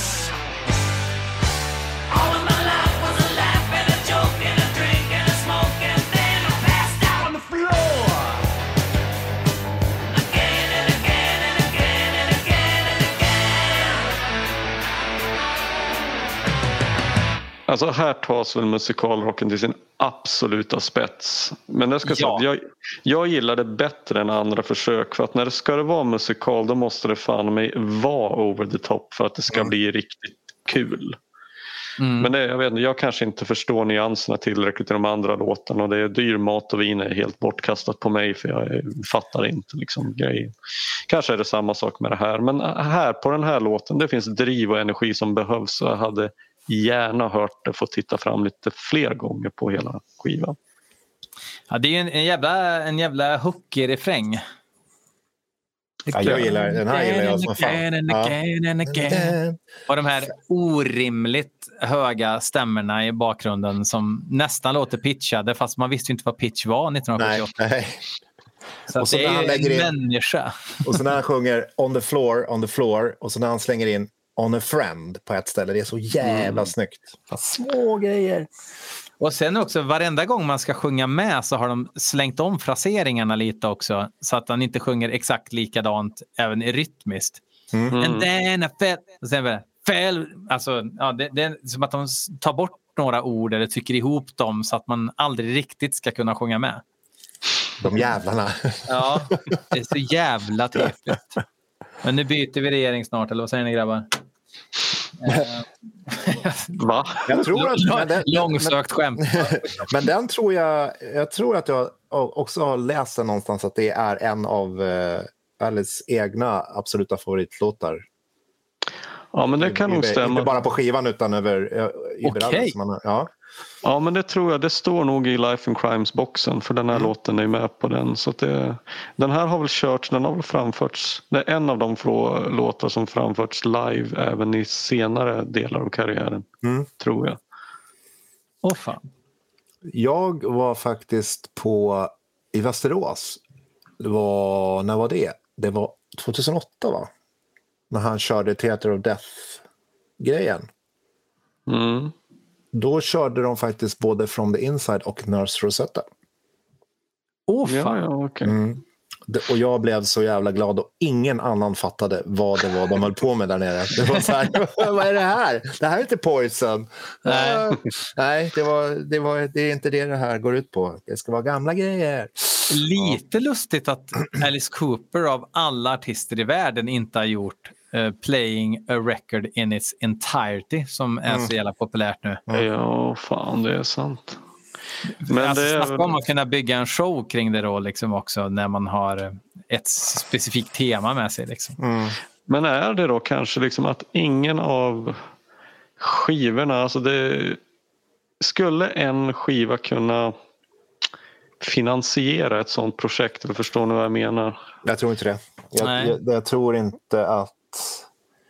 Alltså från den här skivan till exempel skulle... Alltså, ja, det vore ju en kult, kult, kulturell eh, megagärning. Men alltså eh, kommersiellt självmord tror jag. Eh, Ah, Welcome Men to my nightmare skulle han kunna köra. ja, absolut. Det är Men tänk Ja. dig Flush the Fashion in its entirety. Eller Jag är där, jag är där längst fram med hårpiska och eh, läderstövlar upp till knäna. Ja. Och Devo-glajjor. Jajamän. Ehm, ja, jo men eh, det, är- jag tycker vi har beskrivit den här låten rätt bra och klockan tickar. Nu kommer vi då till How You Gonna See Me Now Mm. som, som eh, jag vet, alltså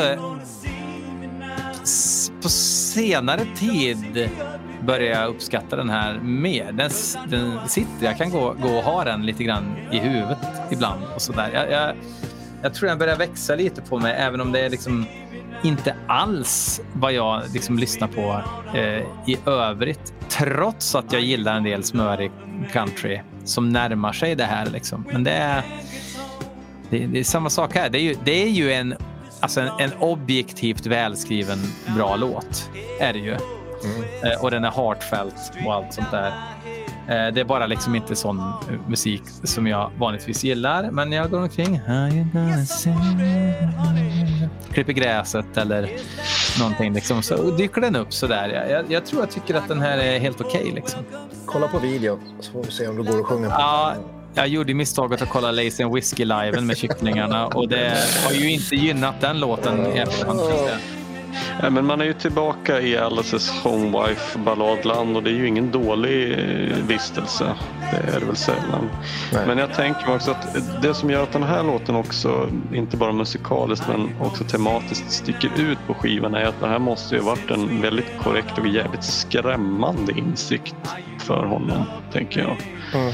Mm. Jag minns en intervju med Shane McGovens i Pogues, hans fru, som eh, någon gång fick frågan om hur, hur hennes man egentligen är i nyktert tillstånd och hon replikerade bara att ja, hon har inte en jävla aning. Aldrig sett honom nykter. Just like the first time, I'll be shaking inside. When I walk in the door, there'll be no place to hide. Oh, how you gonna see me now? Please don't see me ugly, babe. Cause I feel I let you down in oh so many ways.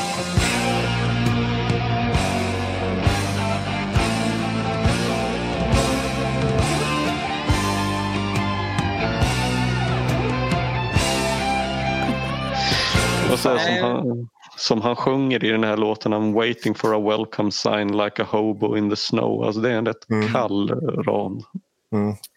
Det är ju också, eh, den, den här eh, har ju kanske ett, ett eh, tydligare djup än You and Me till exempel. Ehm, som Frank Sinatra har sjungit med Alice Cooper en gång faktiskt. Vilket, Ja, jo. ja. Men, men ehm, ja. Det, den är ju vad den är, men den kommer från en eh, äkta plats. Ju. Den känns ju mer genuint ska jag säga än de andra. Jag tror att, att till och med att den här låten, jag har ett vagt minne av att jag hört i en intervju att den i princip kom upp eh, när de skulle sätta sig ner och börja jobba med texterna. Han och Bernie heter han väl va? Ehm, och, och det var ett samtalsämne som dök upp. Mm. Och då kom låten till. Och då är det väl klart att man tar fram flygeln och skriver en ballad då. När man pratar om det. Så att den är nog ganska naturligt framverkt den här låten. Men det, det, som man, det som jag tänker på också det är att det finns ingenting av hans lite så putslustiga eh, text, utan det är liksom bara rakt upp och ner. Det känns verkligen som något som bara är... Eh, sen så försökte de ju putslust, putslusta till det i videon och det är det som blir lite så, skär sig Ah. lite så här. Eh, ja, Ja, det är som att det får inte vara för seriöst. nej, då kan vi inte visa det på MTV. Eller MTV fanns väl inte ens så. Eh, Hur fan, hur fan gjorde alltså de här ja, promovideor innan MTV? Vart Ja, visades var, de? var visar man dem någonstans? Är, Ja, eh, ja det är en väldigt bra fråga. Eh, Det, det, är ju, det här är ju några år innan MTV. Liksom. Mm. Fem, fem år eller någonting kanske. Mm. 80, vad var det? 80, Det var 84? eller? 84 kanske. mm, Ja. mm. Eh, ja, det är, ju, det är jätteintressant. Han har ju gjort eh, ganska mycket videos på 70-talet ändå. I jämförelse Ja. med många andra. Mm. Ehm, ja, For Veronicas sake. Egentligen borde vi haft Robert Wells här som får... Det här är hans eh, gebit egentligen. Får jag bara säga en, en Ja. bara innan vi byter om How you gonna see me now. Eh, Mm. Omslaget till den singeln är ju ganska kallt. Det är bara en bild rakt upp och ner på Alice Cooper i The Quiet Room i madrasserad cell. Men det är också att baksidan på den singeln är en låt som heter No Tricks. Är det en låt som någon av er känner Ja. till? Japp. Nix. Han sjunger, som han sjunger med, vad heter hon då? Eh, Betty Wright, vad heter hon? Mhm. Om det är någon som vet. Uh, ganska hypad soul disco-sångerska då på 70-talet. Eh, Den är, är riktigt bra låt faktiskt. Men också lite balladaktig. Så jag tyckte det var lite konstigt att ha liksom, en, släppa en, en singel med två ballader. Liksom. Ja, udda. Men det är också så här, eh, det känns mer, för den texten är också så här, det är bara så här, nu kör jag inga tricks längre utan nu visar jag mig som jag är. Eh, Mm. utan, eh, och gömma mig bakom alkohol. Så det är liksom mer, av samma liksom, i den texten. Så jag vet inte om det var det som gjorde att den inte kom med på plattan. Liksom. Ja, okej. Eh, en bra låt, jag gillar den. Ja. Ja, For Veronica's sake. Det- Veronica är väl en stackars hund som blir kvarlämnad när husse åker in på mentalsjukhuset. Mm. Det är ju fint att skriva en låt om det tycker jag. Eller hur?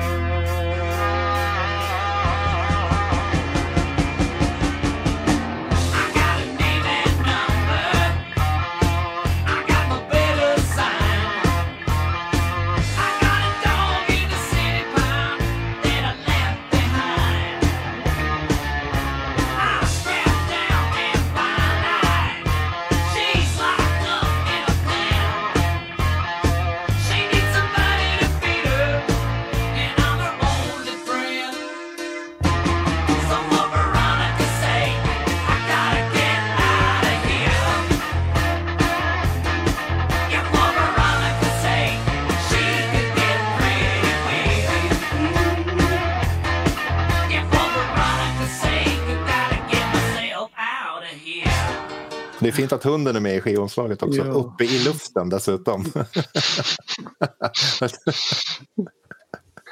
Vart då? Ser du inte hunden? Är det ingen hund hos dig? Uh, ja, men där ja! Ja. Jag har bara aldrig tänkt på att det är Veronica. Coolt. Ja. Ehm, ja. Men Alltså- det, det här är väl den mest anonyma låten på albumet. Eller det är min uppfattning i alla fall. Men, men, men, men grejen är att jag, jag, jag, jag tänker liksom att Rhapsody in Rock skulle ju kunna ha den här låten och folk skulle klappa på ettan genom hela liksom, utan problem. Den är ju, alltså, den är ju check Mm. och det är, det är en typisk liksom, allsångslåt.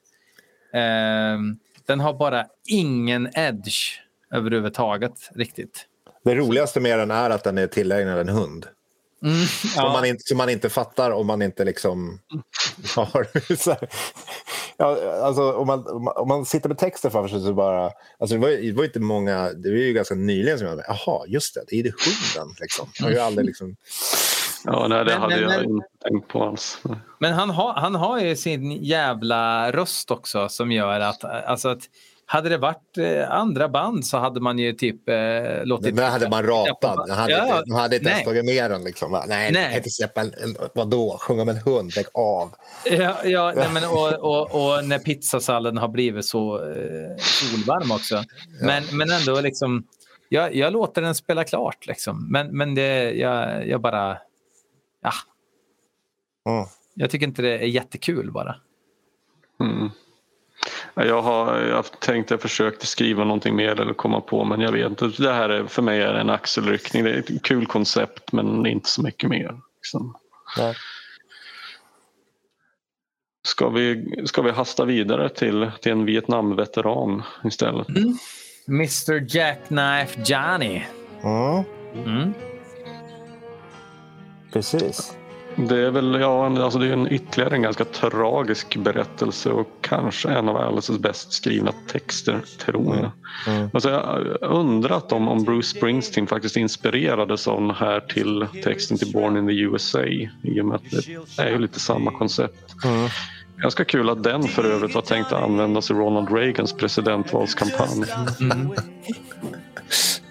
Det är jättekul. Det är som de här eh, Trump-fansen som hoppar till Fuck you, I won't do what you tell me. Japp, japp. Det är eh, samma skevhet. Det, är liksom, det går inte att återskapa i... Alltså det blir så... Åh, Ja. åh. Det är Men kul. låten ja. Men, det, men det, den är, jag gillar den. Jag gillar den. Jag tycker den är skitbra. Jag tycker Mm. det, ja. Ehm, Jackknife Johnny, you're a flow up and funky, children the dagger's drawn world. Jackknife Johnny, them old vets gotta hate you for bringing home that BC girl. Jackknife Johnny, welcome to our world. precis som du säger. Alltså jättebra. Stark text. Ja, det, är, en jävligt god idé alltså med, med cyniska och magstarka texter som kombineras med mjuka musikala arrangemang. Men jag vet inte, det som också att jag hade, på den här hade jag nästan velat ha lite fler effekter för att accentuera det som berättas eh, i historien. Alltså på samma sätt som ett soundtrack förhöjer det som sker på en filmsoundtrack förhöjer det som sker på skärmen. Så, jag vet hade velat haft lite... Här hade det varit lite bra med eh, The Wall. eh, lite Ja, flygplan här, i bakgrunden. och lite- Flygplan och helikopterljud och Ja. liksom, eh, Absolut. maskingevärsmatt. Ja.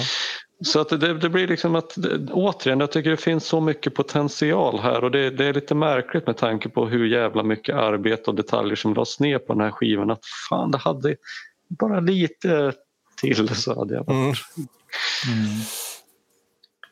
Men jag, det här är ingen låt jag själv får på huvudet. Får ni det? Nej, det, det, det, är, ehm, det är den enda låten som jag tror jag måste påminnas lite om exakt hur den går. Även om jag... Ja. Eh, de andra låtarna kan jag typ nynna på under pistolhot. Men eh, Jackknife Johnny, Den, är inte, den, är, den har inte lika starka melodier. Även om den är... Den är text. eh, ja, exakt. Mm. Exakt. Den är ju inte kanske... Har, har inte, Inte samma... hookig på det sättet liksom. Nej, nej den, den Nej. har väl inga hooks nästan va? Nej. Egentligen. Nej. Nej, inte vad jag kommer på heller. Så det... Men det är alltså absolut inte dåligt, för det vill jag inte alls påstå att Nej. det är. Men, det, men lite anonym. Sådär, Mm. sådär. Sen kommer vi till The Closer. Mm. Inmates We're All Crazy. Mm. Det här är eh, nog min favoritlåt på skivan. Japp. Jag tycker den är- är så ja. jävla cool. Japp. Samma här. Eh, jag, jag tycker, jag tycker ehm, alltså de, de här stråkarna och all, all klassisk musik som vävs ihop. Det är liksom flera teman som bryter av varandra och återkommer. Eh, det är lite... Det är ganska fina melodier och lite retstickemelodier och, och, och sådär. Mm. Men det är lite, det är lite creepy Mm. också. Mm. Ja. Mm. De, här, de här grejerna som är egentligen totalt okomplicerade durmelodier men ändå på något vis Det är en, ligger en skev, skevhet där Ja. hela tiden. Ja, ja, jag vet. Det Och är sen eh, det här we're, taunting we're all crazy liksom. Mm. Och det är lite roligt, min treåring går omkring och sjunger We're all crazy. Mm. Nu eftersom man har hört den här låten ganska mycket nu och tycker den är skitbra. Ehm, perfekt uttal, konstigt nog. Ehm, Ja. ja. Nej, men alltså, jag tycker den här är helt eh, briljant avslut på skivan faktiskt. Jag minns att en kompis till mig som eh, ja, för över 20 år sedan, någonstans där på 90, Kan du stänga dörren? slutet på 90-talet var han hade fått något blandband skickat till sig och han hade blivit helt mindblown när han hade förstått att det här var Alice Cooper för att han hade ju aldrig i hela sitt liv kunnat tro att det liksom fanns en sån spännvidd över vad som producerades under Coopers namn. Mhm.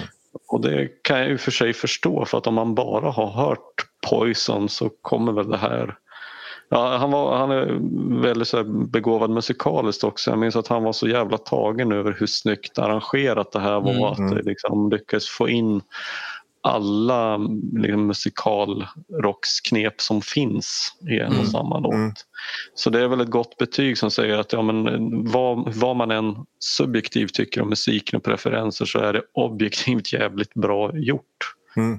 Sen ska vi inte förglömma Cheryl Cooper som eh, jag gissar att det är hon som tuggar lite om Lizzie Borden här och sådär också i, eh, i, någon, i något, eh, någon monolog där. Eh, Cheryl Cooper, alltså Alices dotter. Som ju var med också i Gävle och dansa. Ja, ja, ja. Mm. Mm. Men Jag vänta nu, är, Cheryl, är det hans dotter? Är inte Cheryl hans fru och Kaliko hans dotter? Jo. Jo, så är det. Så är det hans fru Ja, alltså? jag blev så här, jag blev, har de döpt dottern till samma? Cheryl är hans fru. Ah, Jag Ah. fick för mig, men alltså, alltså det, det som, eh, som, som gjorde mig så förvirrad då, det var ju att eh, hans fru såg ju heller inte ut att vara 74 i Gävle. Nej. Jag bara tänkte spontant att det måste vara hans dotter. Nu är ju Cheryl Cooper garanterat inte lika gammal som Alice Cooper är eh, av hävd. Nej, hon var väl typ eh, Tio- 17, tio år. nästan, ja, mi- minst tio år. Är det, är kanske mer? Ja. Ja. Ja. Hon var ju dansare på Welcome to my nightmare. Mm. Och det var ju så han träffades. Ja. Mm. Det, det stämmer. Ja, det är alltså frugan. Hon som dansar på Cold Ethel och eh, ja, Nurse Rosetta dansar hon på också tror jag. kanske hon. Ja. Ja. Ja, men med det så är vi ju så att säga i hamn och då är det väl dags att säga några avrundande ord och overall. Jag, jag tyckte inte riktigt vi fick veta vad du tyckte om låten. Ja. Utan det var mer vad din kompis tyckte om låten. Jag frågar åt en kompis. Som vanligt är det inte personen i filmen som skriver brev. Nej, precis. Eh, ja, eh, Ja, men, ja, det blir så tjatigt att säga vad jag har, redan har sagt mer eller mindre gång på gång eh, till, till alla låtar. Att det, jag tycker det är jävligt proffsigt och sådär. Det är bara inte riktigt min kopp te. Men det är väl, den här låten är nog, ja, men det, jag tycker nog också att det här är den bästa låten på, på skivan. Men det är nog ändå ingen av de här låtarna som jag personligen skulle slänga med på ett blandband. Helt enkelt därför att det, det är inte min kopp te Mm. bara. Mm. Men då är det dags för betygssättning. Mhm. Mm. Jag kan börja. Vad har ni för betygssystem? Eh? Ja? Egentligen är det betygsskala till fem och egentligen så måste man välja ett helt poäng. Men Mm. eh, vi har ju kommit på när vi har pratat om Billion Dollar Babies, alltså bandet och eh, Lace and Whiskey och sådär att det går inte. Men jag sätter fyra av fem för From the Inside. Vi, vi, återigen, nu pratar vi Alice Cooper-skalan. Alltså, det är ju inte Alice Cooper jämfört med säg Rat. Nej, nej men jag, jag är fullt med. Men jag, jag tycker den här skivan är skitbra. Mm. Men det är ju också för att eh, jag har kanske mindre problem med studiomusiker som biter sig i underläppen än vad du har, eh, Hayden. Jag tror det hänger väldigt mycket på det. Mm. Är det jag då eller? Ja. Ja. Ja, ja, jag är ju... eh, Som jag började hela presentationen så är jag part i målet. Så för mig är det här en fem av femma. Liksom. Det är den här Mm. som jag spelar. Eh, trots sina liksom, funkbasar och allt annat så är det, jag älskar jag den här skivan. Eh, det går inte att komma ifrån. Eh, Har du slängt in några låtar på den här, från den här på något blandband? Mm, Alltså, ofta. Eh, ja. Inmates, eh, From the Inside. Uh, återkommer ganska ofta. Men jag tänkte... Nej, vi ska slutföra betygssättandet först. Sen tänkte jag säga en sak. ja, ja, jag kör den här. Fan, jag, jag, jag tror jag har sagt något annat men i, i ett tidigare avsnitt men ibland så Ibland så är det så svårt att sätta en helhetsbedömning utan det är att jag vill som gamla tv-spelsrecensioner att man, recens, man fick poäng för grafik för sig, ljud för sig, spelkontroll och för sig och så vidare. Så här ska jag säga att texterna 5 av 5, alltså det här är ju något av det bästa han har knåpat ihop med penna och papper. Det tycker För visst håller konceptet ihop den här gången? Ja, Helt. ja. Det är första gången det gör det enligt eh, oss. Ja, det stämmer. Det är det fan. Ja. Uh, ja, absolut. Och det, det, är så, det är jävla snygga formuleringar, det är underfundigheter, det är skitsnygga metaforer. Ja, men allt där. Uh, musiken, ska jag säga, för hantverket, ja det är liksom fyra av fem men den egna preferensen så blir det tre av fem. Det, och det smärtar mig lite grann för att det, jag hade velat ha de här texterna med annan musik oftast. Eller lite råare form eller något. Kanske annan produktion bara. Ja, det kan vara det. Ja. Helt klart. Ja, ja, eh, ja, alltså eh, produktionen har jag lärt mig att acceptera i Mm. Alice Coopers sammanhang. Och det var ju efter det som jag började kunna lyssna på det på ett annat sätt. Vad skulle du säga? Men jag skulle säga... ehm, det, jag vet inte om du har originaltextbladet där, Björn? Eh, det finns ju en liten grej som står längst ner där. Mm. I wrestled with reality for 34 years and I'm glad to say that I'm, I finally I I fa- finally won it over won, o- won over it. Var pissigt eh, utläst. um, Elwood P. Downed Harvey. Eh, jag vet om det är någon som vet vad det är. Nej, Nej. inte. Det är bara filmnördar som jag som vet det. Det är, en, det är taget från en, en film med James Stewart från 1940 som heter Harvey. Där James Stewart spelar en ganska väldigt snäll människa, men eh, han är alkis. Eh, och han eh, går runt och ser en eh, life-size kanin som han pratar med. Eh, Okej. Dark. och det blir, det blir, det liksom det är så häftigt att lägga, slänga med den grejen. Liksom. en smal referens. Eh, jättesmal referens. Ja. Eh, men eh, alltså, och då är liksom andemeningen, om jag minns det är jättelänge sedan jag såg den filmen, men andemeningen i den filmen är liksom att han vill ändå människorna, folk uppfattar honom som galen. Mm. Eh, men slutklämmen är att han, var nog, han ville bara människors, människor väl. Liksom. Alltså att mm. Man får den här känslan att okej, okay, fan vad, vilken snygg passning. Det är det här också som jag gillar med Alice Cooper, att man små Alltså det är inte så här spell alltså som man är så van med, med mycket så amerikanska, typ, skriva på mm. näsan, mm. utan man lämnar små sådana. Sen eh, är det ju också en jävligt rolig grej, måste jag också ta upp, på insidan av dörren till The Quiet Room. Kolla vad det står där, Björn. Inmates in the memory of Mooney. Mm. Mm, Keith Moon. Ja. Mm. ja. Det är sånt Aha, där. Han hade gärna fått komma in på torken han med kan jag tänka. Mm. Det hade gynnat uh, The Who om inte annat. Ja. Um, så är det ju. Uh, ja, ja, det är roliga detaljer. Så kan man inte göra med en uh, streamingfil. Utan det kan man bara göra på ett sån här stor julkalenderskiva. Eh, där eh, ska vi sätta punkt, men eh, supertrevligt att du ville vara med Patrik. Superkul att få vara med. Det var jätteroligt. Ja. Eh, jag ser fram emot när ni ska gå igenom de här uh, The Blackout Album som jag älskar också. Mm, mm, mm. uh, ja, det blir jättekul. Och ni, ni pratade om, uh, du sa ju det Björn, det här, det här håller faktiskt ihop tematiskt. Mm jag kommer att älska att lyssna på när ni ska försöka klura ut vad Dada temat på den.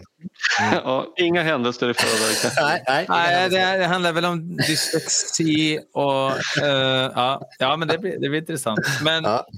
då säger vi väl till nästa vecka då, låt... Eller nästa vecka, till nästa gång, låt stå. Låt stå. Låt stå. Och tack för kaffet. Precis. Tack för kaffet, naturligtvis. Herregud vad oartigt.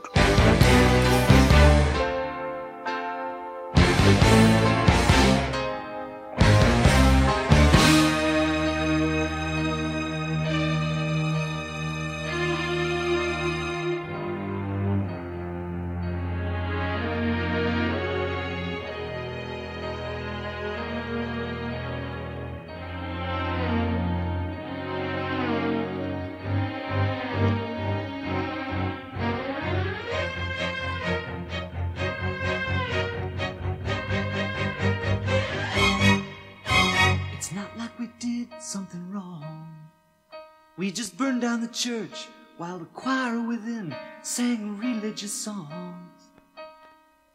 And it's not like we thought we was right.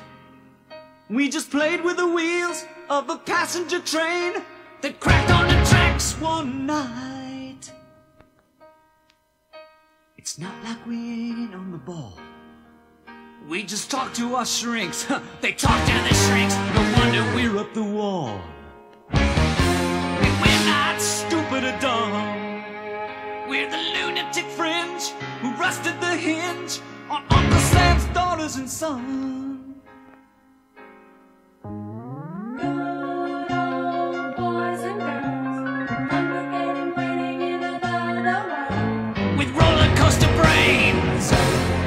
Imagine playing with trains. Good old boys and girls, congregating, waiting in some other world. We're all crazy. We're all crazy. We're all crazy. Lindsay Borden took an axe and gave her mother 40 west. And darling, trying to be bad. No! An innocent crime seemed alright at the time, not necessary. Every day for the bus. And the driver would say, that's where lunatics stay. I wonder if he's talking about us. It's not like we're vicious or gone. No! We just dug up the graves where your relatives lay in old forest lawn. And, and it's not like we don't know the score. We're the fragile elite. They dragged off the street. Take us no more. Good old boys and girls, waiting in another world. with roller coaster brains. Imagine digging up graves